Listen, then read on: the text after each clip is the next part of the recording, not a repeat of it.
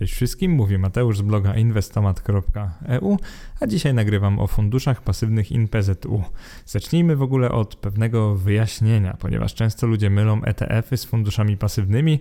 Istotne jest to, żeby zrozumieć, że ETF, czyli Exchange Traded Fund, to jest fundusz, który jest notowany na giełdzie. Natomiast nie znaczy to z automatu, że on jest pasywny i naśladuje jakiś indeks.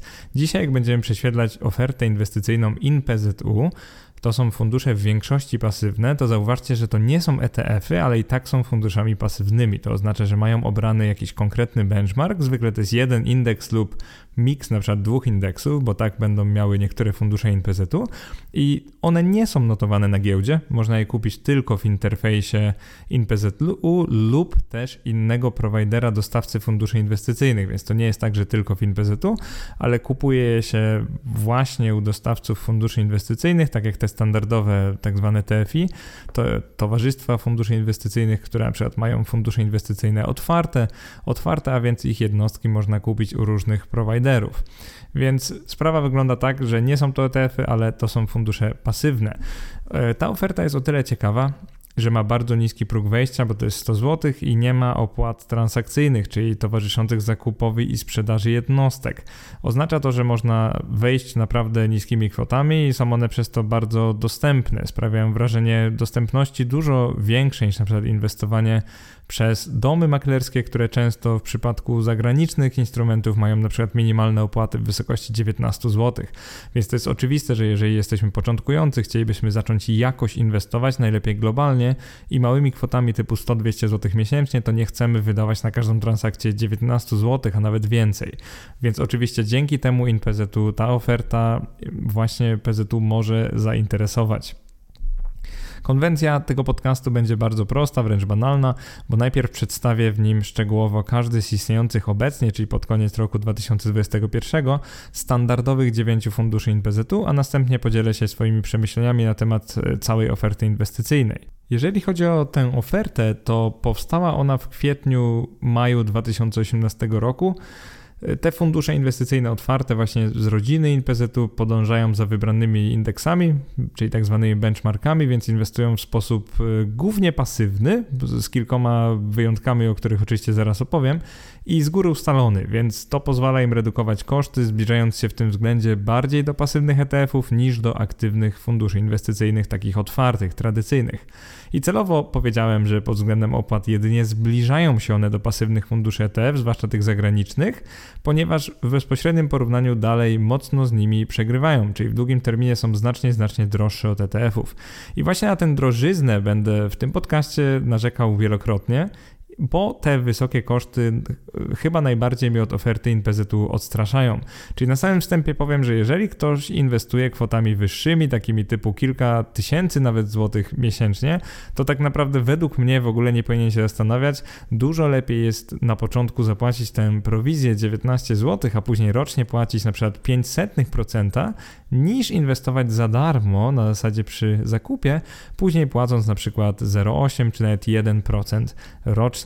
Tak naprawdę w długim terminie te opłaty roczne dużo większą część inwestycji nam zjedzą niż te opłaty na wejściu, mimo że tak źle, tak niewygodnie jest je ponosić na wejściu, tak bardzo boli to wydanie tych 19 zł. Więc dla kogo jest to tak naprawdę podcast? Dla osób, które póki co inwestują niskimi kwotami, rzędu na przykład 100 do 300 zł miesięcznie i chcą na przykład prowadzić IKE i IGZE i mieć jaki, w jakiś sposób globalne inwestycje w akcje i obligacje. Zaraz Wam opowiem w ogóle, jak wygląda oferta, bo od tego wszystko zaczniemy. Jeżeli chodzi o 9 funduszy pasywnych, e, to zaczynamy od czterech obligacyjnych. One się nazywają następująco. Pierwszy z nich to InPZU Inwestycji Ostrożnych. On jako benchmark ma VBIT 1M, czyli tak naprawdę stopę, stopę referencyjną międzybankową. Jest to założenie takie, że posiadamy po prostu złotówkę plus stopy procentowe, te międzybankowe. Więc benchmark nie jest jakiś imponujący. Ten fundusz inwestuje w hurtowe obligacje skarbowe Polski, to jest około 10 emisji. Zwykle są one zmiennoprocentowe, czyli zależne od WIBOR lub zero kuponowe. Jeżeli chodzi o INPZU obligacje polskie, jest to drugi fundusz, to jego benchmarkiem jest TBSP, czyli Treasury Bond Spot Poland, to jest indeks głównie stałoprocentowych tych hurtowych obligacji skarbowych Polski. To są zwykle dziesięcioletnie, ale nie tylko, tak naprawdę to są obligacje o różnej zapadalności, są tam 5, 7, 10-letnie, nawet dłuższe. Jeżeli pamiętam, jedne są nawet 50-letnie. No i to jest ten, który inwestuje w stałoprocentowe obligacje skarbowe, więc jest dość podatny na zmiany stóp procentowych. Trzeci fundusz to jest INPZU obligacje rynków rozwiniętych. On jako benchmark ma indeks JP Morgan GBI Global, czyli po prostu globalne obligacje. W tym przypadku są to głównie obligacje skarbowe, w zasadzie tylko, takich państw jak USA, Japonia, Francja, Niemcy, Włochy czy Hiszpania. I czwarty z funduszy obligacyjnych to jest INPZU obligacje rynków wschodzących. On bazuje na JP Morgan EMBI Global Diversified. Obligacje skarbowe i korporacyjne są w jego portfelu i z wielu, z wielu krajów. Tam jest około 170 emisji, ale już później powiem Wam dokładnie, jak to wygląda.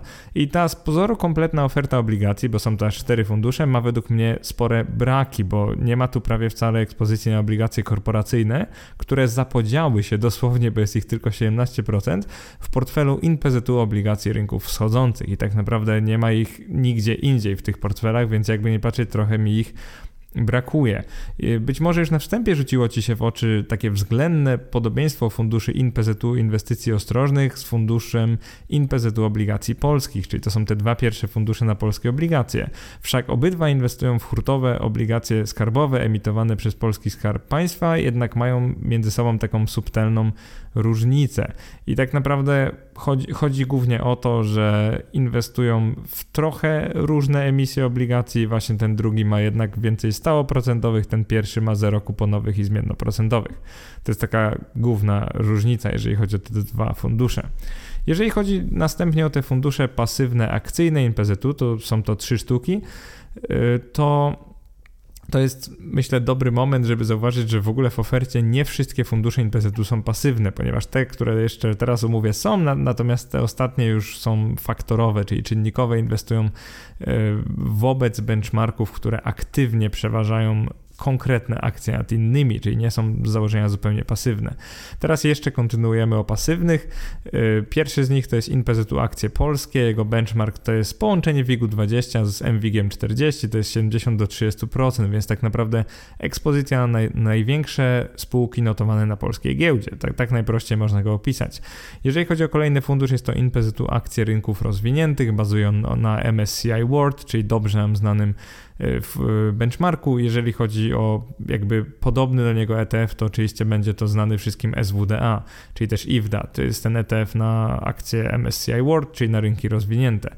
Y, ten InPZU akurat jest bardzo podobny do swojego benchmarku i inwestują bezpośrednio w akcje. Trzecim funduszem z tych pasywnych jest InPZU akcje CEE Plus, czyli CEE Plus po polsku. Bazuje on, na benchmarku na indeksie GPW CE Plus i posiada on, znaczy inwestuje on w akcje spółek z GPW około 130 z przeważaniem firm zagranicznych, zwłaszcza tych działających w rejonie środkowej i wschodniej Europy, czyli CEE.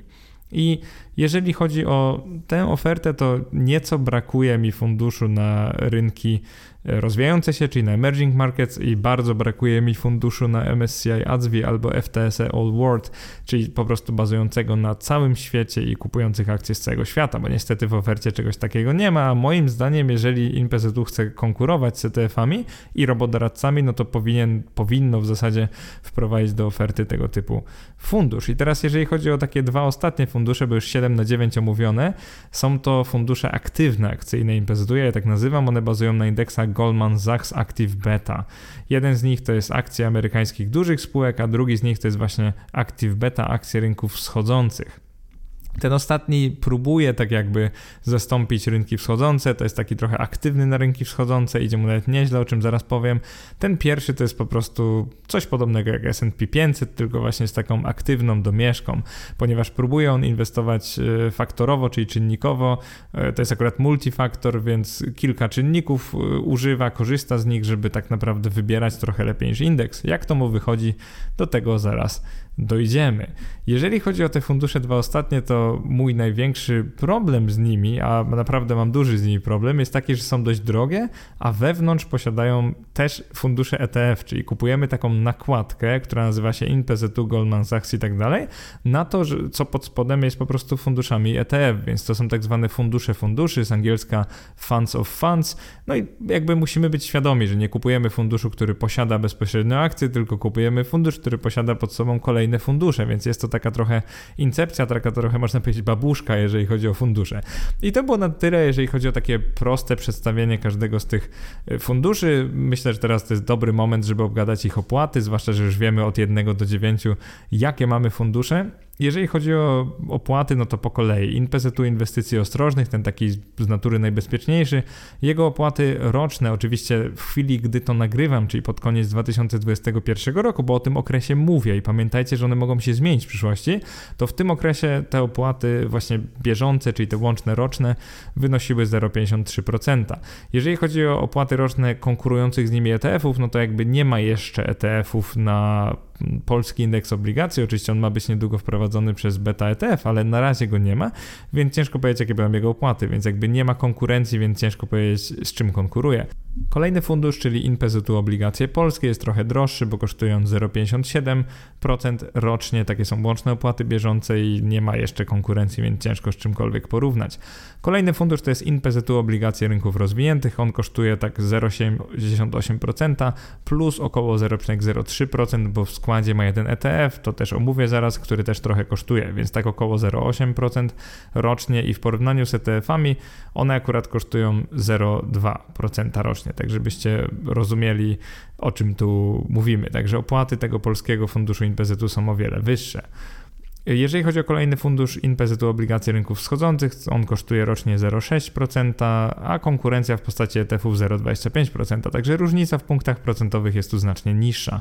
Kolejny fundusz to InPZU akcje polskie, on kosztuje 0,66% rocznie. Jeżeli chodzi o konkurencję w postaci ETF-ów, no to tutaj mamy akurat ETF od Bety, on kosztuje 0,74% rocznie, więc jakby nie jest tu nie jest to jakoś lepiej lub gorzej. To 0,74%, jeżeli dobrze pamiętam, tu może nawet wziąłem ETF iShares na polskie akcje. On chyba kosztował 0,84. Nie chcę tu jakoś przekłamywać, ale wiem, że konkurencja ETF-owa tu akurat jest droższa niż InPZU, więc można się nad nim zastanowić. Jeżeli chodzi o kolejny fundusz InPZU akcji rynków rozwiniętych, on kosztuje rocznie 0,8%. Konkurencja ETF-owa, czyli fundusze na MSCI World kosztują około 0,2%, 4 razy taniej, to jest bardzo istotne. Kolejny fundusz, a właściwie dwa, to są te InPZU Goldman Sachs Active Beta. Pierwszy to akcje amerykańskich dużych spółek. On kosztuje około 0,68% plus koszt tych funduszy pod spodem to jest 0,14%, a więc łącznie ponad 0,8%. Dla porównania fundusz ETF taki średni na po prostu na to samo, czyli ten Goldman Sachs on kosztuje 0,14%, więc jakby mocno przepłacamy tu ten koszty ETF-a pod spodem. Kolejny, czyli ten drugi Goldman Sachs Active Beta akcje rynków wschodzących 0,7 plus 0,32%, ponad 1% jest to naprawdę dość dużo jak na fundusz pasywny, powiedzmy pasywny. I jeżeli byśmy chcieli konkurencję dla niego, możemy kupić zwykły MSCI Emerging Markets ETF. On będzie kosztował 0,18%, czyli znacznie, znacznie mniej, ponad pięciokrotnie mniej. Ostatni fundusz InPZU akcje CE+, CE+, czyli na te Y, akcje z rynków, znaczy one są z GPW w większości przynajmniej, nie wszystkie, ale z rynków tych y, Central Eastern Europe, no to nie mamy na to ETF-ów, więc, a przynajmniej nie mamy takich oczywistych ETF-ów o takim bardzo dużym podobieństwie, ponieważ są ETF-y na Eastern Europe, ale powiedziałbym, że trochę inny skład mają. To wracając do tego funduszu InPZU, kosztują 0,76% rocznie. Czyli co możemy tak na szybko wywnioskować? Możemy wnioskować to, że fundusze InPZU są o tyle dość drogie, że każdy z nich kosztuje przynajmniej no, 0,5% rocznie do nawet całego procenta, tak pośrednio, ponieważ liczę tu łączne koszty tej nakładki oraz funduszów ETF pod spodem. I teraz jeżeli zadamy sobie pytanie, czy fundusze InPZU są za drogie, to odpowiem tak. To zależy, bo one są znacznie niższe od aktywnych funduszy w ofercie polskich TFI, których opłaty bieżące w tej chwili wynoszą zwykle między 2 a 4% rocznie, ale InPZU są znacznie droższe od zagranicznych funduszy ETF, które w tej chwili inwestują w bardzo podobne aktywa, zwykle będą 3 lub 4-krotnie tańsze. Więc jeżeli chodzi o opłaty roczne w długim terminie, to to jest być albo nie być dla naszych inwestycji. O tym akurat mocno i dużo pisałem i nagrywałem w podcastach i wpisach, jak inwestować 100 zł miesięcznie oraz jak inwestować 500 zł miesięcznie. Bardzo na to uczulałem, więc jeżeli jeszcze nie czytałeś lub nie słuchałeś tych podcastów, no to koniecznie zajrzyj do tamtych wpisów i podcastów. Więc rozpatrując ofertę InPZU, warto mieć na uwadze, że pod kątem opłat znajdują się one pomiędzy drogimi TFI a tanimi ETF-ami, posiadając jednak sporą zaletę w postaci braku prowizji na wejściu i wyjściu, no i oczywiście możliwości inwestowania małymi kwotami. Jeżeli chodzi o wielkość aktywów funduszy InPZU, to też będzie dość ciekawie, ponieważ pod względem aktywów prezentują się one dość blado. Co to są w ogóle aktywa funduszy? Jeszcze przypomnę, to jest to, ile zgromadziły one środków w danym momencie, czyli po prostu ile pieniędzy inwestorzy mają łącznie w nie zainwestowane. Jeżeli fundusz ma wysokie aktywa, znaczy jest popularny, wielu inwestorów chce w niego zainwestować. Jeżeli ma niskie aktywa, no to znaczy coś odwrotnego, że jest mało popularny. Jeżeli chodzi o największy fundusz InPZU, to był to inwestycje ostrożnych, ten taki najbardziej bezpieczny.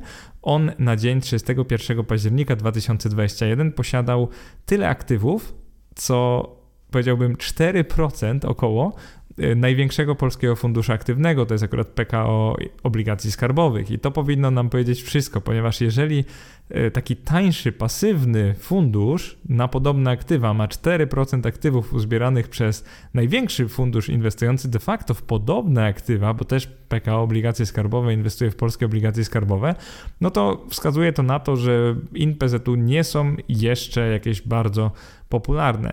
Jeżeli chodzi o aktywa wszystkich z tych funduszy, bo też w takiej tabeli we wpisie je przedstawiłem, no to one są jakby, wszystkie mieszczą się między dwudziestoma kilkoma milionami złotych do tych 300 milionów złotych, więc mamy jakiś obraz sytuacji. Jeżeli porównamy to do jakiegokolwiek takiego większego ETF-a w Europie, to tak naprawdę nie są to żadne aktywa. I tu jeszcze mam taką ciekawostkę dla kogoś, kto lubi detale. Wielkość aktywów ETF-a tego Goldman Sachs Active Beta US Large Cap Equity wynosi teraz 56 milionów euro. Czyli po dzisiejszym kursie jest to jakieś 250-260 milionów złotych. To warto zapamiętać. Czyli jak na ETF to nie jest jakiś bardzo duży ETF, raczej taki mały, średni. I zauważcie, że rodzimy fundusz INPZ-u jest jego bardzo znaczącym udziałowcem, ponieważ 38 milionów złotych jest prawie w całości ulokowane właśnie z INPZ-u w ten fundusz ETF. I teraz bardzo ważna rzecz, o której celowo wcześniej nie mówiłem, ponieważ fundusze INPZ-u mają jedną wielką zaletę, lub wadę, zależy jak na to patrzymy, one są hedżowane, czyli zabezpieczone do polskiego złotego. Czyli tak naprawdę te opłaty mogą być wyższe od opłat zagranicznych ETF-ów, ponieważ mamy tu hedge walutowy. Co oznacza hedge walutowy? Oznacza to, że mamy w złotówce taką stopę zwrotu, jakbyśmy nie mieli ryzyka walutowego, czyli tak jakbyście przedkupowali indeks MSCI World, ale tak jakby wszystkie akcje były notowane w złotówkach. I to jest zarówno zaleta, jak i wada. Powiedziałbym, że w przypadku obligacji to jest zaleta, ponieważ jeżeli posiadamy obligacje np. w euro, to zauważcie, że w tym roku moglibyśmy mieć większą część ich stopy zwrotu z tego funduszu ze zmiany wartości euro do złotego, bo powiedzmy poszło one z 4,3 do 4,7 nawet w pewnym momencie, więc z tego byśmy mieli większą stopę zwrotu niż z ich kuponów, które wynoszą na przykład 1 czy 2% rocznie. Więc oczywiście, jeżeli kupujemy zagraniczne obligacje, to chyba wolelibyśmy, żeby one były zabezpieczone do złotego, czyli byśmy otrzymywali te kupony, jakie mają oryginalne obligacje, tylko że w złotym, więc tak jakby to nawet ma sens, nawet ma sens płacając ten mechanizm. Jeżeli chodzi o zagraniczne akcje, to powiedziałbym odwrotnie, że jednak po to kupujemy ETF-y na zagraniczne akcje, przynajmniej również, żeby mieć zagraniczne waluty, czyli chcemy mieć trochę ekspozycji na dolar, na euro i inne waluty światowe, w których te akcje są notowane, więc tak jakby zależy nam na tym zabezpieczeniu walutowym w sensie, że mamy różne waluty w portfelu, a nie tylko polski złotych. Więc powiedziałbym, że to zależy, czy nam się opłaca inwestować w INPZU, ale tak na start powiedziałbym, że zabezpieczenie walutowe jest raczej dobre niż złe i negatywne. I teraz przechodzimy do konkretów, czyli o każdym funduszu postaram się możliwie krótko podać Wam wysokopoziomowy skład funduszu, czyli aktywa w jego portfelu. Podam Wam 10 największych pozycji, żebyśmy tak poczuli, co jest w tych portfelach, żebyśmy zrozumieli, co się znajduje w tych funduszach, przynajmniej na koniec roku 2021. No i porównamy sobie oczywiście stopy zwrotu z funduszy do podobnej lub zbliżonej konkurencji w postaci funduszy aktywnych lub ETF-ów. Cokolwiek mi się udało znaleźć podobnego do tych funduszy. I oczywiście dla funduszy zagranicznych uwzględnimy sobie, znaczy zagranicznych mam na myśli INPZU inwestujących w zagraniczne aktywa, czyli zagraniczne akcje lub obligacje, uwzględnimy sobie zabezpieczenie walutowe, czyli zrobię coś takiego, że zamienię waluty, żeby pokazać Wam prawdziwą stopę zwrotu z funduszu dla inwestora złotówkowego, czyli takiego, który wybrał INPZU wobec na przykład jego inwestycji w zagraniczny ETF, gdzie oczywiście nie ma takiego hedge'a do PLN. Więc Zaczynamy, nie ma co przedłużać, zaczynamy od impetu inwestycji ostrożnych. Jego popularność wynika moim zdaniem głównie z faktu, że jego nazwa sugeruje ostrożność, rozsądek i bezpieczeństwo, czyli coś, czego szukają mniej doświadczeni inwestorzy, którzy chcą po prostu zastąpić sobie lokatę w banku, a nie gdzieś tam szukać ryzyka na rynkach finansowych.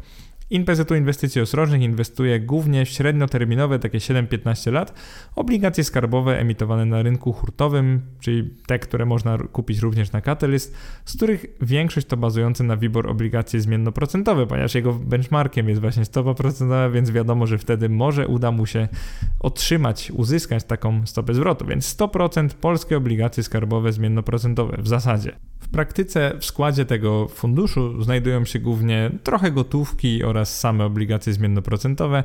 Fundusz ma według mnie o tyle proste życie lub jego zarządzanie jest proste, że jego benchmarkiem jest właśnie VBIT 1M, czyli 1 miesiąc. Bazuje na jednej z najniższych stawek stóp procentowych w Polsce i dla na przykładu w listopadzie 2021 WIBOR 6M wynosił 2,01%, VBIT 1M tylko 1,22%. Więc w teorii i w praktyce moim zdaniem nie powinno być trudno osiągnąć lub przebić takiej stopy zwrotu, jak się wybiera tylko obligacje zmiennoprocentowe. I teraz 10 największych pozycji, w zasadzie to jest 9 różnych pozycji, ponieważ w jego portfelu jest tylko 9 różnych emisji obligacji. Możemy zobaczyć, że tak naprawdę no, ogromną większość obligacji w jego portfelu stanowi 5 emisji. Wszystkie są praktycznie zmiennoprocentowe, żebyście rozumieli, co on posiada. I tak naprawdę każda pozycja jest mniej więcej z tych większych jest porówno, po około 50 milionów, przynajmniej w tej chwili. Jeżeli chodzi o sposób działania tego ETF-a, to po prostu w danym momencie kupi on te, które są najlepiej wyceniane na rynku lub oczywiście nowe emisje, emisje więc o to chodzi. E, typowe papiery dłużne w portfelu tego funduszu są oprocentowane stawką 0% plus WIBOR 3 miesiące lub 0,25% plus WIBOR 3 miesiące, więc to, to są obligacje, które dostosowują się do wysokości stóp procentowych, a są zatem są podatne najmniej na ich zmiany, więc płacą one raczej najniższą oczekiwaną stopę zwrotu wśród obligacji hurtowych.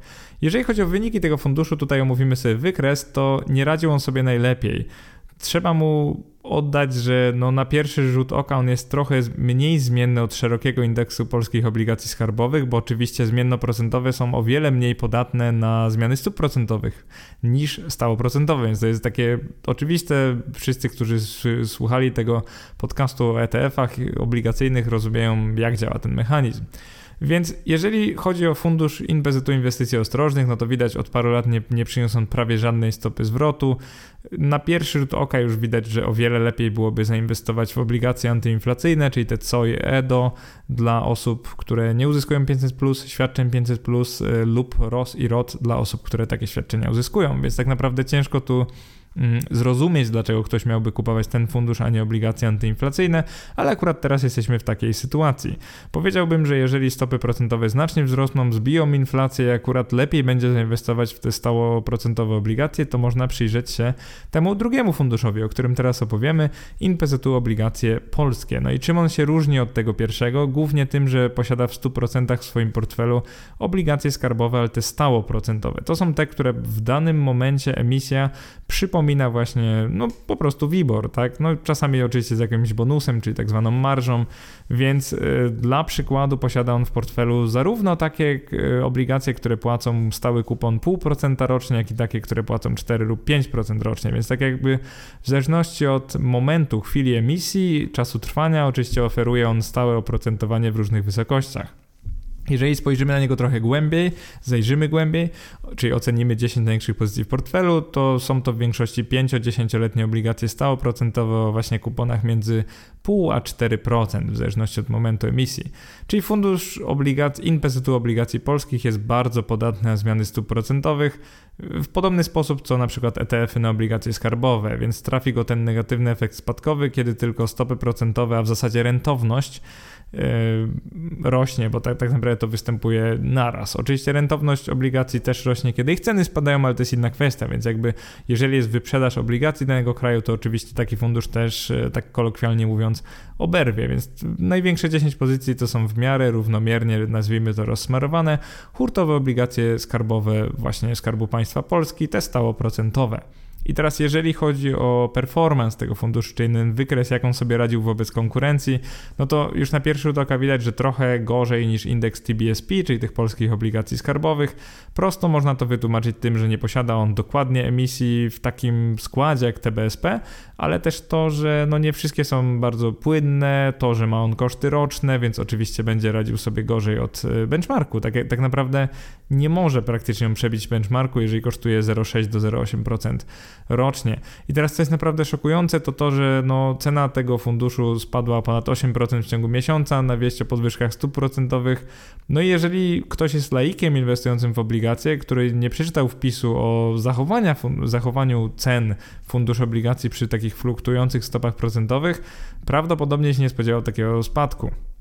Więc pytanie brzmi, czy będąc lejkiem, warto w ogóle bawić się w stałoprocentowe obligacje emitowane przez Skarb Państwa i inne podmioty państwowe typu BGK czy PFR, gdy detaliczne obligacje antyinflacyjne są bardzo proste do kupienia i bardzo efektywne w obliczu zwiększonej inflacji, ale tak naprawdę nawet bez tej zwiększonej inflacji to były bardzo dobre instrumenty. Można powiedzieć, że od kilku lat one płaciły już 4-5% brutto rocznie, dzięki temu, że miały tą stałą marżę całkiem wysoką.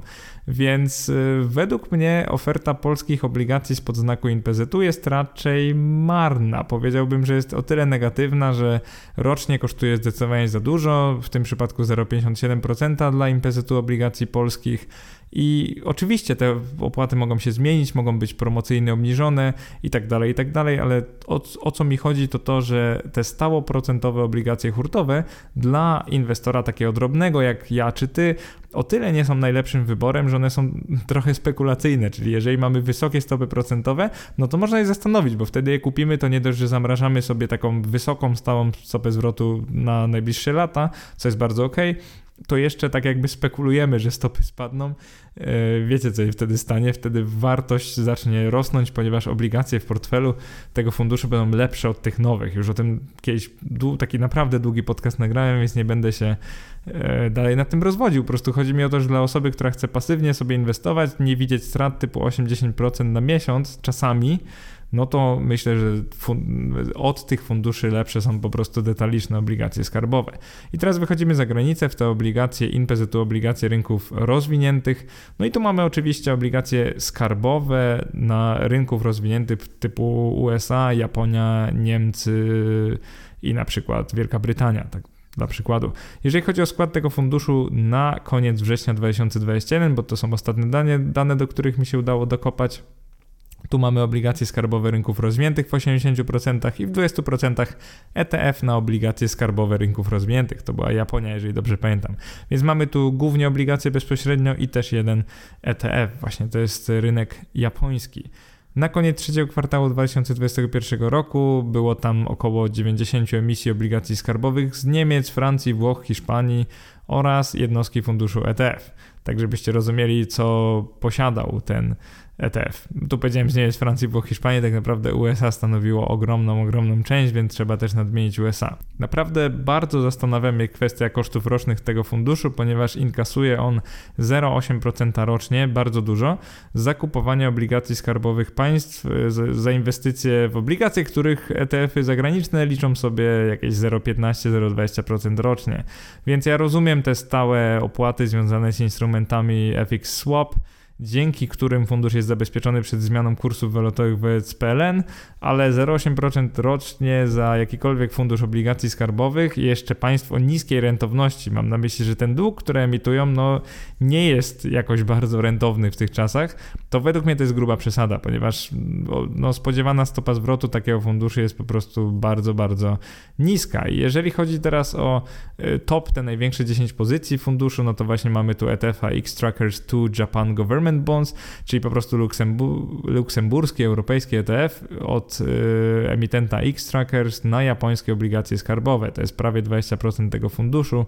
Czyli w złotych to jest jakieś 5 milionów, jeżeli chodzi o te jednostki. No i później mamy same hurtowe obligacje skarbowe USA, głównie 7-10-letnie, też są 30-letnie, więc tak naprawdę każdy możliwe tak zwane maturity i oczywiście głównie stałoprocentowe, tak, bo no, jak to kolokwialnie powiedzieć, gruba większość tych obligacji jest właśnie stałoprocentowa. Mamy więc fundusz pasywny na obligacje skarbowe emitowane przez państwa rozwinięte którego potencjał wzrostu jest trochę hamowany przez te koszty roczne, które wynoszą 0,8% około i tak naprawdę siłą rzeczy on nie może przez to wygrać zagraniczną konkurencją. No i niestety jest, jak weźmiemy sobie po prostu ten fundusz ETF yy, X-Trackers, tylko weźmy sobie globalny, Global Government Bonds, no to oczywiście pokonuje on i to tak dość znacznie, bo tam o jeden gdzieś punkt procentowy miejscami nawet o 2-3, zależy od momentu, pokonywał in, on in obligacje rynków rozwiniętych. Ale oczywiście to też nie jest tak, że ten fundusz jest zupełnie słaby, ponieważ na przykład iShares Global Government Bond ETF w momencie, kiedy nagrywałem ten podcast, akurat przegrywał z funduszem InPZU. Więc jeżeli chodzi o ten fundusz InPZU, no to można powiedzieć, nie radzi on sobie wcale tak słabo. Jest on widać budowany w taki sposób, że nawet potrafi on wygrać z niektórymi dużo tańszymi ETF-ami. I teraz jedna ważna rzecz. Jeżeli chodzi o ten hedge do złotego, tutaj pokażę właśnie kolejny wykres we wpisie, na którym widzicie, co by się stało, gdybym zamienił stopę zwrotu funduszu tego, który tego funduszu ETF. On akurat ma ticker XGGB, notowany w Londynie. Gdybym zamienił jego walutę na złote, on jest notowany akurat w dolarze, ja zamieniam go na złote, czyli to pokazuje, co by się stało, gdyby Polak, osoba inwestująca w polskich złotych, e, jakby zainwestował bezpośrednio w ten ETF angielski, brytyjski. Co by się stało? Stałoby się to, że zarobiłby dużo, dużo więcej, ponieważ akurat w tych czasach, w tych latach, czyli 2020-2021, dużo lepiej było posiadać dolar w portfelu, więc tak jakby e, to pokazuje zarówno to ryzyko, o którym mówiłem przy obligacjach, jak i szanse, ponieważ hedge walutowy zawsze kosztuje, czasami przyniesie nam zysk, kiedy złoty będzie się umacniał, czasami przyniesie nam stratę, kiedy złoty będzie się osłabiał. I tak jakby musimy rozumieć, że oczywiście na funduszach obligacyjnych nie chcemy mieć dużego ryzyka walutowego, bo wtedy to się trochę mija z celem, bo to jest trochę jakbyśmy grali na Forexie, trochę trzymali walutę obcą, mieli jakieś tam niskie kupony e, z tych obligacji, bo to są akurat obligacje skarbowe rynków rozwiniętych i główną część stopy zwrotu osiągamy właśnie na zmianie kursów walut, więc akurat w tym okresie byśmy wygrali, jakbyśmy trzymali ten fundusz oryginalny, czyli w złotówkach, natomiast ten hedge do złotego nam nie pomagał.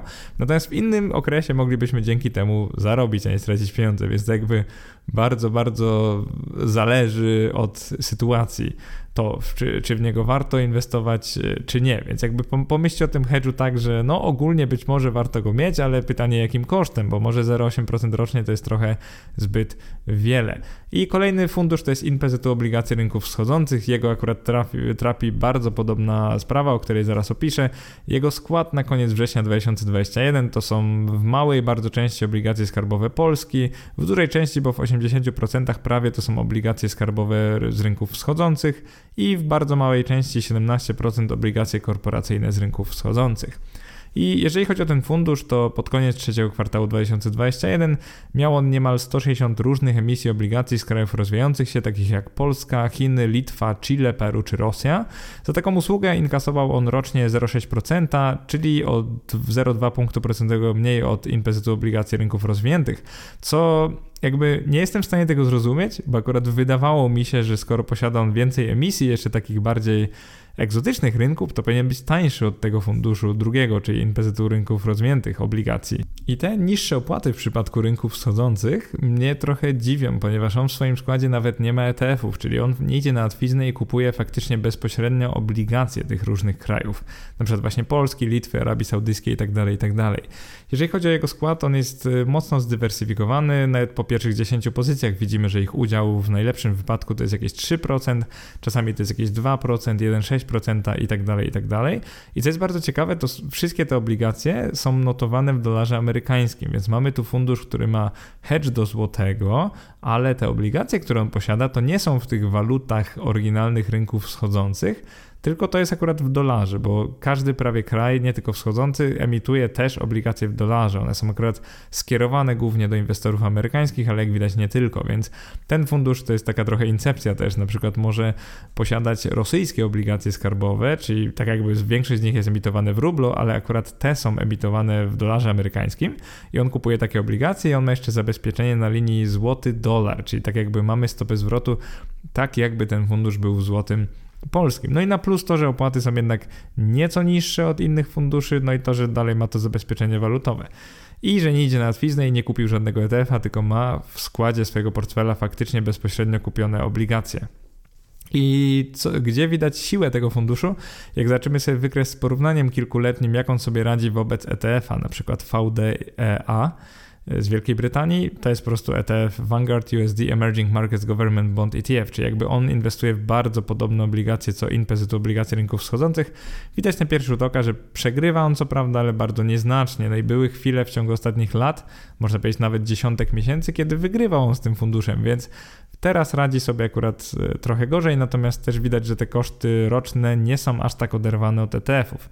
No i pamiętajmy tu, że mówimy tu o instrumencie z zabezpieczeniem walutowym, więc aby poprawnie porównać jego złotówkową inwestycję, właściwie w obydwa fundusze musimy zmienić walutę notowania ETF-a VDEA na polski złoty. No i na tym kolejnym wykresie widzimy, że no cóż, Podobnie jak w innych przypadkach opłacało się mieć dolar akurat w tym okresie, więc gdybyśmy mieli dolar amerykański, czyli ten VDEA, no to w złotych polskich zarobilibyśmy w ciągu no, 3 lat ponad 20%. Jeżeli byśmy posiadali ten polski fundusz, czyli INPZ obligacje rynków wschodzących, zarobilibyśmy około 10%.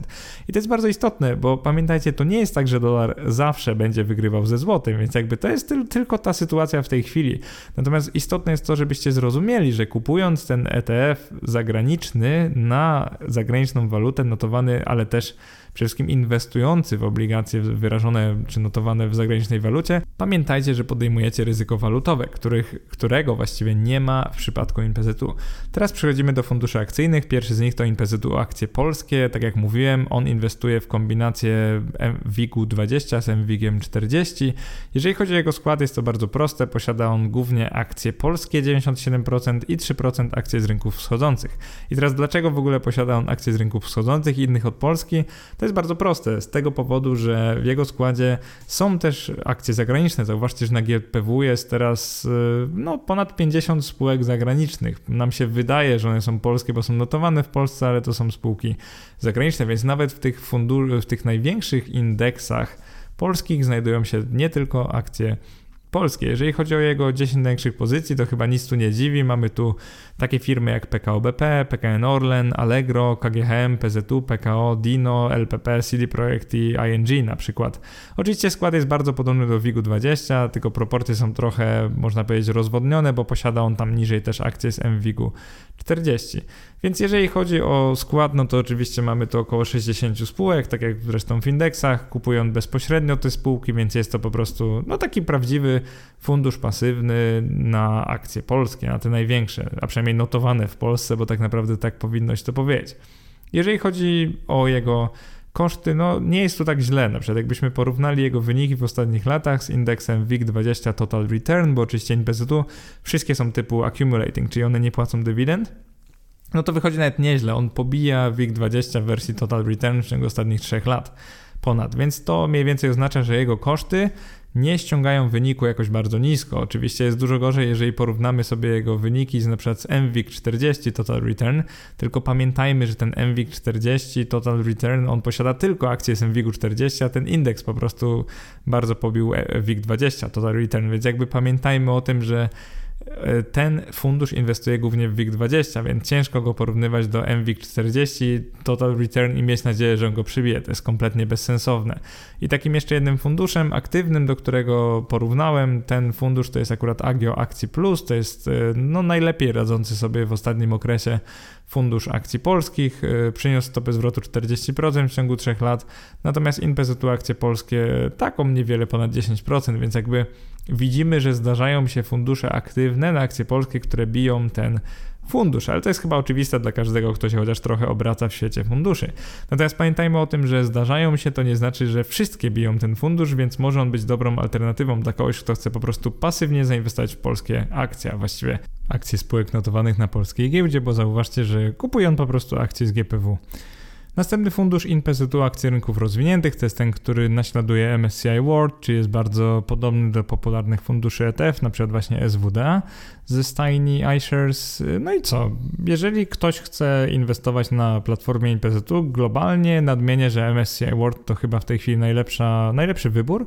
To jest indeks akcji spółek z krajów rozwiniętych, to znaczy, że nie ma on w sobie rynków wschodzących, ale to stanowi tak naprawdę gdzieś 89 do 91% całego rynku światowego, więc większość przynajmniej w tej chwili. Oczywiście pamiętajcie, że jeżeli rynki wschodzące zaczną radzić sobie lepiej od rozwiniętych, no to już on nie będzie zawierał tak dużej części tego globalnego indeksu, ale w tej chwili, kiedy to nagrywam, akurat zawiera. Jeżeli chodzi o skład, no to chyba nie dziwi nikogo to, że prawie 100% jego zawartości stanowią akcje ETF-y na akcje, a dokładnie w większości, czyli 95 prawie procent to są akcje rynków rozwiniętych. Mamy trochę z jakiegoś powodu obligacji skarbowych polskich, chyba dlatego, że przechowują tam trochę pieniędzy i mamy ETF na akcje rynków rozwiniętych. Taką niedawną zmianą było to, że wszystkie fundusze akcyjne INPZ-u mają mieć już same akcje, nie mają mieć 10% gotówki, tak jak wcześniej, dzięki czemu będą trochę lepiej nadążać nad albo za benchmark benchmarkami właściwie. Jeżeli sprawdzimy sobie top 10 pozycji tego funduszu, to też chyba się nie zdziwimy, jak zobaczymy, że jest tu Apple, Microsoft, Amazon, Alphabet, Facebook, Tesla i tak dalej, i tak dalej. Czyli po prostu zobaczymy, że top 10 to są prawie w całości te słynne spółki FAANG, czyli FANG, czyli po prostu informatyczne giganty Stanów Zjednoczonych, no bo tak samo jak dominują one y, świat, na światowych rynkach, że stanowią bardzo duży odsetek tych światowych rynków, no to oczywiście w takim benchmarku spółek rozwiniętych, rynków rozwiniętych musi być ich bardzo dużo. Jeżeli chodzi o INPZ akcji rynków rozwiniętych versus różne fundusze ETF, na te spółki to oczywiście mocno przegrywam z nimi. No dlaczego? Oczywiście, ponieważ jego koszty roczne sprawiają, że no musi być daleko w tyle.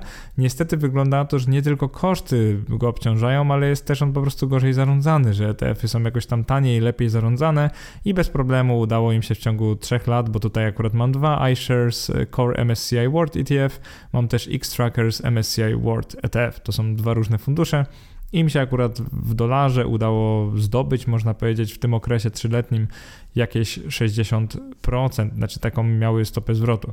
Ja oczywiście mówię trzyletnim, w domyśle jest to trochę dłużej niż 3 lata, bo mówię odkąd istnieje INPZU do prawie końca 2021 roku, więc pamiętajcie, że mówiąc 3 lata mam na myśli około 3 lata.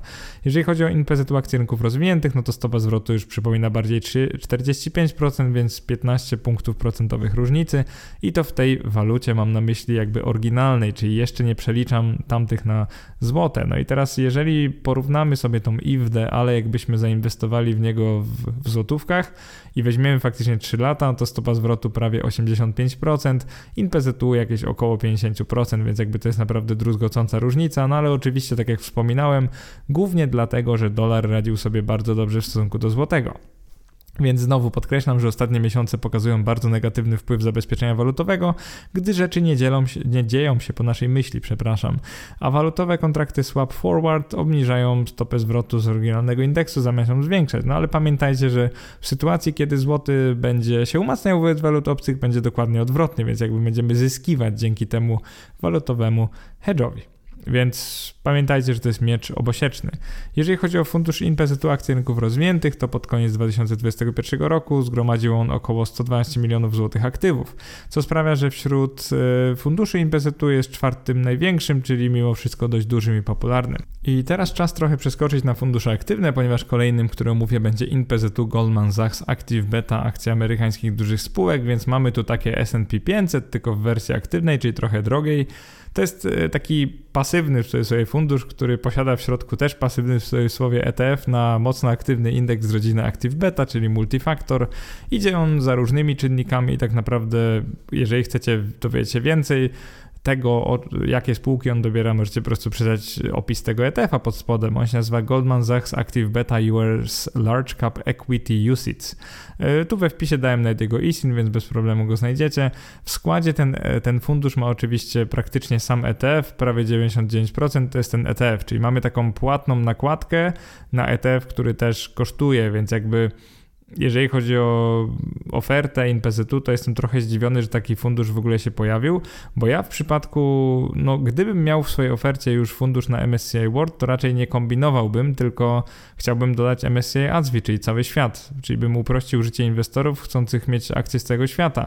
Dlatego trochę mnie dziwi, że akurat do oferty jest dodany fundusz na same Stany Zjednoczone. Jest to trochę niefortunny wybór. I jeszcze powiem szczerze, że już w ogóle taki aktywny fundusz, czyli przez to, że jest trochę droższy i ciężko powiedzieć, czy on będzie sobie radził lepiej od zwykłego S&P 500, to już w ogóle trochę tego nie rozumiem. Jeżeli chodzi o przybliżenie składu, to tabela z 10 pozycjami jest o tyle pusta, że mamy tu jedną pozycję, tylko ETF i tak naprawdę cała wartość tego funduszu, no to ją stanowi to, co jest pod spodem, czyli ten jeden ETF. Jest to więc tak zwany fund of funds, funds, czyli fundusz funduszy, ale w tym przypadku jest to fundusz funduszu, bo tak naprawdę ma on tylko jeden ETF pod spodem. Dlaczego jestem wobec niego taki krytyczny? Bo to jest dla mnie taka płatna nakładka na bazowy ETF, więc powiedziałbym, że płacimy tylko za zabezpieczenie walutowe na linii dolar-złoty, więc ono tutaj kosztuje 0,68% rocznie, czyli dość drogo. Jeżeli sobie porównamy na wykresach to, jak w ciągu tego, akurat ten fundusz InPZ-u nie istnieje od dawna, istnieje od około roku. Jeżeli sobie porównamy, jak on sobie radzi nawet według tego ETF-a Goldman Sachs Active Beta US Large Cap, no to dość mocno z nim on przegrywa, co pokazuje jakby nie tylko te koszty roczne, bo w ciągu roku 0,89% nie powinno czynić różnicy prawie 4 punktów procentowych. Więc widać, że no, z jakiegoś powodu nie ma on tak dobrych wyników jak ten ETF pod spodem. I takie najciekawsze albo najsmutniejsze z tego jest to, że jakbyśmy wybrali po prostu tani fundusz ETF, w tym przypadku amerykański, tak zwany SPIDER, czyli SPY US, to jest taki najbardziej znany chyba ETF na S&P 500, no to w tym przypadku byśmy mieli dużo wyższą stopę zwrotu, w ciągu niecałego roku 5 punktów procentowych więcej, czyli tak jakby prawie 26% wobec y, około 20% zwrotu. Jest to naprawdę duża różnica. Więc nie jestem fanem krótkoterminowego porównywania wyników i powiem Wam szczerze, że no w ogóle tak porównywać wyniki w okresie rocznym to jest dla mnie trochę śmieszne, ale z czasem może się okaże, że ten fundusz radzi sobie lepiej od benchmarku, no ale tylko jeśli ten, ten ETF pod spodem będzie bił bazowy indeks, bo inaczej to się nie może wydarzyć. Jeżeli chodzi o porównanie, e, biorąc pod uwagę ten walutowy hedge, jeżeli sobie przeliczymy ten Spider US na inwestycje w złotym, no to już w ogóle widzimy, że przez to, że dolar był bardzo mocny w tym roku, no to inwestycja w taki fundusz przyniosłaby wiele, wiele wyższą stopę zwrotu niż ten fundusz e, z rodziny IPZ-u. Więc powiedziałbym, że koszty tego funduszu inwestytu są horrendalnie wysokie jak na taką pracę, którą ten wykonuje, czyli to, że po prostu kupuje jednostki jednego ETF-a. Warto to wiedzieć, dopóki znaczy jeszcze ktoś nie zainwestował, bo wygląda to dobrze, brzmi fajnie, ale pod spodem powiedziałbym, mamy tak naprawdę no, dość drogi sam w sobie ETF, więc pytanie, po co płacić jeszcze za tą nakładkę. No i kolejny fundusz, który ma ten sam problem, to jest InPZ2 Goldman Sachs Active Beta akcje rynków wschodzących. Przede wszystkim brakuje w ofercie NPZ-u w ogóle rynków wschodzących, więc no świetnie, że taki się ukazał, ale dlaczego to jest akurat ten Active Beta, a nie zwykły MSCI Emerging Markets, to nie potrafię powiedzieć. No i w składzie tego funduszu, jak się domyślacie, 99% to jest ETF, akcje z rynków wschodzących i to, to są akurat co ciekawe różne ETF-y. Mamy tutaj w składzie, jakbyśmy spojrzeli w tabeli na konkrety, mamy pierwsza pozycja ponad 50% funduszu we wrześniu 2021, to jest właśnie ten Goldman Sachs Active Beta Emerging Markets, na, natomiast mamy też zwykłe fundusze na Emerging Markets typu iShares, Core MSCI, IMI, MSCI Emerging Markets IMI, mamy też UBS MSCI Emerging Markets, mamy X-Trackers MSCI Emerging Markets i mamy też HSBC MSCI Emerging Markets, także mamy tu całą taką podstawową ofertę na Emerging Markets. Y, dlatego mnie to w ogóle ciekawi, że mamy w tym funduszu to, o czym on mówi, czyli tam Active Beta, ale mamy też zwykłe fundusze na Emerging Markets, więc tak jakby to jest zastanawiające, dlaczego ten skład wygląda tak, a nie inaczej, ale kupujemy wtedy jeden aktywny fundusz, który pod spodem ma pięć różnych ETF-ów. No i niestety w praktyce mamy więc fundusz, który kosztuje 0,7 procenta rocznie za samo to, że jest InPZU i kosztuje jeszcze 0,32% za te zaszyte koszty w ETF-ach, czyli tak naprawdę kosztuje ponad 1%. Jeżeli chodzi o to, jak on sobie radzi ostatnio, czyli jak istnieje powiedzmy od późnego stycznia 2021, no radzi sobie on podobnie jak fundusze zagraniczne, te ETF-y na emerging markets, od niektórych gorzej, od innych lepiej, więc powiedziałbym, że w tym przypadku ten Goldman Sachs Active Beta no, działa trochę lepiej niż w przypadku rynków e, rozwiniętych, a mam na myśli S&P 500. Natomiast, no co mogę powiedzieć o tym funduszu? Przede wszystkim te opłaty roczne, one niemalże gwarantują, że on będzie przegrywał z benchmarkiem, bo jeżeli coś łącznie kosztuje 1%, no to jakby nie może na dłuższą metę wygrać z benchmarkiem, więc tu by się przydało obciąć koszty, a mówiąc szczerze, przydałoby się przejść na zwykły MSCI Emerging Markets, bo tak nie do końca rozumiem, czemu akurat wybrano ten Active Beta, a nie zwykły indeks, więc tutaj będę trochę krytyczny. Ostatni fundusz, który omówimy tak dogłębnie, InPZU akcje CE+, to powiem szczerze, że nie rozumiem trochę, dlaczego w ofercie w ogóle mamy akcje z GPW, a później mamy też akcje spółek z Europy Środkowo-Wschodniej, więc jakby to jest nie do końca emerging markets, bo nie ma tu na przykład Chin i krajów na, na przykład Tajlandii, nie ma tutaj w ogóle, nie ma tutaj Brazylii, nie ma Meksyku, więc jakby omijamy dużą część emerging markets, mamy tylko Europę Środkowo-Wschodnią i jakby to jest takie mocno okrojone MSCI Emerging Markets albo mocno wzbogacone GPW, w zależności jak na to spojrzymy, ponieważ w jego składzie mamy 43% akcji polskich, 55% akcji z rynków wschodzących i to są właśnie te rynki e, Central Eastern Europe. E, mamy tu też trochę ETF, ale akurat to jest pomijalna wartość, więc jeżeli chodzi o sam portfel, no to w jego, w jego składzie jest 130 różnych spółek. Największe 10 z nich stanowi ponad 40% jego portfela, to, to jest naprawdę dużo. Powiedziałbym, że jest on ciekawą opcją dla chętnych do zainwestowania tylko w akcje spółek z naszego regionu, świata, ale dla większości inwestorów no, lepszy zwyczajnie będzie MSCI Emerging Markets na przykład, albo nawet jeden z indeksów polskich akcji, czyli tak jakby zdecydować się, w którym kierunku chcemy pójść. Koszty bieżące tego funduszu wynoszą, wynosiły w roku 2021 0,76%, czyli o 0,1 punktu procentowego więcej od funduszu InPZU akcji polskich. I jeżeli chodzi o te wspomniane 10 największych pozycji, czyli tą tabelę z pozycjami, one prezentują się następująco. Mamy tutaj Erste Group, ponad 10% portfela, mamy OTP Bank, to jest węgierski bank, mamy tutaj też ponad 10% portfela, później mamy spółkę CES, która akurat jest notowana na polskiej giełdzie, ale to jest czeska spółka, prawie 5% portfela, następnie jest PKO BP, także pierwsza tutaj polska spółka, MOL, Allegro, Richter Gedeon, KRKA, to jest akurat słoweńskie, Komertni Banka to jest też czeskie i mamy też spółkę PZU SA oczywiście, więc jakby taki miks polskich spółek oraz spółek z regionu e, CE. No jakby ciężko mi jest powiedzieć, dla kogo jest to fundusz. Jest po prostu o tyle dziwaczny, że akurat taki benchmark, no nie ma wielu inwestorów, którzy chcieliby mieć tylko te spółki, przynajmniej nie potrafię powiedzieć, dlaczego chcieliby je mieć, więc to jest takie trochę GPW+. Jeżeli chodzi o to, jak on sobie radzi, no tu jest też dość ciekawie, bo on radzi sobie no ciężko ocenić, bo jak spojrzymy na wykres, on istnieje od y, gdzieś końcówki stycznia 2021 roku, to jakby on radzi sobie podobnie do benchmarku, czyli CE czyli idzie web-web, radzi sobie trochę lepiej od WIG-u 20, radzi sobie trochę gorzej od WIG-u 80 i tak jakby ciężko jest w ogóle jakby porównać go do tych polskich akcji. Idzie on trochę podobnie do naszego indeksu, czy naszych głównych indeksów, natomiast mówię, ciężko mi powiedzieć, jakie miejsce i w jakim portfelu powinno zajmować, jakby go sklasyfikować. Na sam koniec najważniejsze, czyli moja ocena funduszy InPZU. Jak każde produkty na rynku inwestycyjnym, fundusze InPZU mają szereg zalet i wad. I opłacalność inwestycji zależy głównie od sytuacji majątkowej i wiedzy inwestora. I właśnie dlatego na koniec postanowiłem trochę powytykać tej ofercie, a trochę ją pochwalić, bo tak naprawdę zasługuje ona zarówno na krytykę, jak i na no, przynajmniej kilka pochwał. I teraz, jeżeli chodzi o wady, to trzy największe to jest przede wszystkim pierwsza wada to jest to, że podąża on za dość egzotycznymi indeksami, typu np. te Goldman Sachs Multifactor, zamiast za prostymi w rodzaju MSCI Emerging Market czy S&P 500. Więc zastanawiam się, dlaczego podąża on za takimi skomplikowanymi indeksami, skoro fundusze ETF, te pod spodem, które są, na zwykłe indeksy byłyby zwyczajnie tańsze, więc jakby mnie to zastanawia, że dlaczego akurat te konkretne, takie bardziej aktywne fundusze, benchmarki pod spodem mam na myśli. Druga wada, chyba największa, to według mnie horrendalnie, jak na pasywne fundusze, wysokie koszty. One sprawiają, że większość funduszy INPZ-u po prostu nie może wygrać z tańszymi od nich ETF-ami zagranicznymi o podobnych benchmarkach.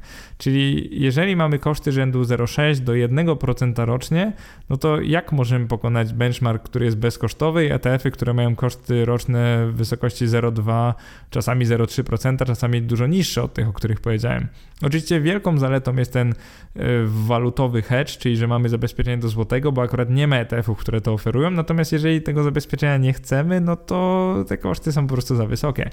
I kolejny minus to jest to, że ta oferta jest specyficzna i niepełna. Na przykład brakuje tu MSCI ASWI, czyli jednego indeksu na akcje z całego świata, brakuje funduszu na światowe obligacje korporacyjne z zabezpieczeniem walutowym wobec złotego, oczywiście jak wszystkich innych i no tak naprawdę brakuje wielu funduszy. Mam, mam wiele pomysłów, co można by tu dodać i no po prostu nie ma w tej chwili ich w ofercie, więc tak jakby Inwestując przez platformę InPZU, nie można zbudować tak prosto, tak szybko portfela globalnego, jakbyśmy to zrobili kupując zwykłe ETF-y, te takie tańsze ETF-y zagraniczne.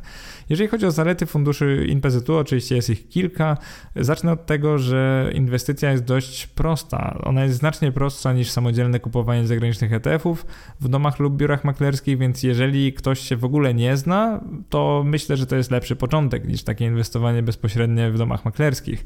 Druga zaleta to jest bezprowizyjny handel kwotami rzędu nawet 100 zł, czyli to pozwala pokonać na początku taką mentalną barierę wejścia osobom niedoświadczonym, które po prostu nie radzą sobie na razie z obsługą e, kont maklerskich, więc według mnie jest świetną alternatywą na sam początek, na start. Trzecią zaletą jest to, że InPZU pozwalają prowadzić konta IKE i IGZE, czyli możemy mieć InPZU IKE i IGZE inwestować w miarę globalnie w akcje i obligacje. E, pamiętajcie, że te środki z takich IKE i IGZE można przecież później przenieść, przetransferować na IKE i IGZE maklerskie, więc możemy na przykład jak zaczniemy więcej oszczędzać albo już uzbieramy trochę na tych kontach, możemy bez problemu przenieść je na IKE IGZE maklerskie. Pamiętajcie, że możemy prowadzić po jednym na osobę, więc możecie zrobić transfer zamykając uprzednio to IKE i InPZU, ale pamiętajcie, że to jest możliwe, więc jakby to też jest zaleta. E, czwartą zaletą, o której chciałem powiedzieć, to jest to, że fundusze NPZ-u inwestujące za granicą są właśnie zabezpieczone, zahedżowane walutowo. Tak jak pokazałem już w tym podcaście, to może być zaletą i wadą, w zależności jak się na to spojrzy, ale jednak no, brakuje u nas y, takich funduszy, które są zabezpieczone walutowo. Akurat, żeby była jakakolwiek konkurencja, to Beta ETF dodało ostatnio takie dwa fundusze ETF, jeżeli dobrze pamiętam, na S&P 500 i na Nasdaq 100, tak mi się przynajmniej wydaje, które też są zahedżowane walutowo, więc jakby inwestujemy jakby w złotym i mamy stopę zwrotu z oryginalnego indeksu. Jeden problem jest to, że te fundusze są trochę drogie jak na ten sam hedge walutowy. I teraz jeżeli spytamy się, dla kogo są zatem fundusze INPZ-u, to powiedziałbym, że można tę ofertę zignorować, jeżeli nie przeszkadza Wam obsługa konta maklerskiego i dysponujecie około 500 zł miesięcznie, albo więcej oczywiście. Jeżeli miesięcznie macie tyle do zainwestowania, no to tak jak nagrałem w podcaście, jak inwestować 500 zł miesięcznie, średnie kwoty na giełdę, no to udowodniłem, że akurat tanie konto maklerskie z tanimi ETF-ami w długim terminie na pewno wygra z funduszem InPZU na przykład na rynki rozwinięte. Więc jeżeli inwestujecie więcej niż te 100-200 zł miesięcznie, no to moim zdaniem konto maklerskie wygra praktycznie no, w każdym wypadku. Jeżeli natomiast macie 100-200 zł miesięcznie do zainwestowania, nie jesteście pewni, jak poczujecie się z ryzykiem, które towarzyszy inwestycji w akcje, moim zdaniem możecie spróbować założyć konto, najlepiej IKX, żeby oszczędzić też na podatkach w długim terminie w ramach InPZU. No i pamiętajcie, że fundusze InPZU to jest prosty, choć nieco przydrogi sposób na lokowanie małych kwot globalne akcje i obligacje w polskich warunkach. Więc do ideału mu brakuje naprawdę wiele, natomiast e, zauważcie, że mamy też w Polsce jeszcze droższą konkurencję w postaci tych TFI, czyli aktywnych funduszy, funduszy inwestycyjnych otwartych oraz zamkniętych, więc InPZU naprawdę nieźle konkuruje z tymi innymi funduszami, więc w tym sensie warto jest się przyjrzeć ich ofercie. Jeżeli chodzi o braki w ofercie, no to jest ich naprawdę dużo. Brakuje mi przede wszystkim funduszu na światowe obligacje korporacyjne, na przykład na Fallen Angels. Jeżeli on by miał zabezpieczenie wobec złotego, moglibyśmy mieć całkiem mało zmienny fundusz, on by był zmienny tylko w kryzysach, który oferowałby na przykład kupon 4-5% rocznie i to w złotówkach jakby, bo miałby on hedge walutowy. Brakuje mi funduszu na obligacje światowe, czyli miks skarbowych i korporacyjnych z całego świata, tak jak to jest w przypadku ETF-ów, po prostu Global Bonds Aggregate. I jakby on miał zabezpieczenie wobec złotego, to w ogóle byłoby świetnie. Brakuje mi funduszu na polskie obligacje korporacyjne notowane na rynku Catalyst. Oczywiście z ich płynnością jest ciężko, więc nikt jeszcze nie zdecydował się na podobny e, fundusz, mam na myśli pasywny, ponieważ aktywne akurat istnieją na Catalyst, natomiast pasywnych nie ma w ogóle E, w tej chwili na rynku. Brakuje mi funduszu na akcje z indeksu SWIG 80. Ja wiem, że byłoby ciężko go stworzyć. Akurat Beta ETF zamierza taki ETF stworzyć, natomiast Impesetu nie ma takiego funduszu. Brakuje mi bardzo funduszu na akcje z całego świata, czyli takiego bazującego na MSCI ADSV albo FTSE All World. Gdyby on miał zabezpieczenie walutowe, byśmy wreszcie mieli jeden prosty fundusz globalny na akcje właśnie z całego świata z zabezpieczeniem złotego, więc dlaczego by nie? Brakuje mi funduszu na akcje rynków wschodzących, czyli taki czysty MSCI Emerging Markets z zabezpieczeniem walutowym, bo tego też po prostu nie ma. No i oczywiście na sam koniec, żeby trochę więcej pomarudzić, brakuje mi też funduszu typu Vanguard Life Strategy, czyli takiego, który łączy w sobie akcje i obligacje globalne. Jak jeszcze tu by był hedge walutowy, to w ogóle byłoby świetnie, bo to by mogło być takie lepsze Vanguard Life, Life Strategy. No i to brzmi trochę niczym takie marzenia ściętej głowy, bo ja mogę sobie marzyć, sugerować, natomiast i tak PZU zrobi co uważa. Natomiast jeżeli ubezpieczyciel wprowadziłby do oferty takie fundusze, to uważałbym ją za o wiele, wiele bardziej kompletną. Ten podcast był trochę dłuższy niż zakładałem, bo już mamy prawie godzinę, jeszcze minuta nam została, to na końcu powiem Wam kilka dodatkowych przemyśleń. Przede wszystkim jestem bardzo ciekaw, co Wy myślicie o tej ofercie. Więc jeżeli zajrzycie do wpisu, link jest jak zwykle tutaj w opisie tego podcastu i skomentujecie, będę bardzo wdzięczny. Mamy nadzieję, że wpis się podobał. Jeżeli tego jeszcze nie robicie, to wielka prośba, żebyście ocenili ten mój kanał na Apple Podcasts. Jeżeli ocenicie mój podcast, to naprawdę dotrę do dużo większej liczby ludzi. Jeżeli nie lubicie jeszcze mojego fanpage'a na Facebooku, to oczywiście zapraszam do polubienia. To jest Inwestomat, pisze się przez w, inwestomat.eu. Jeżeli nie subskrybujecie, to też zasubskrybujcie mój kanał na YouTube. Teraz akurat zaczynam też wrzucać podcasty na YouTube, więc będą miały one grafiki, będą one naprawdę fajnie złożone. Jeżeli chodzi o dyskusję, może też o Inpesetu chcecie podyskutować, to mamy też na Facebooku grupę dyskusyjną. Nazywa się Inwestomat, e, oszczędzanie, inwestowanie, wolność finansowa, jeżeli dobrze pamiętam. Także zachęcam, na wejściu są trzy pytania, także koniecznie nie odpowiedzcie, bo inaczej was nie przyjmiemy, bo potraktujemy was po prostu jak bota lub boty. Bardzo dziękuję za wysłuchanie i trzymajcie się, do następnego.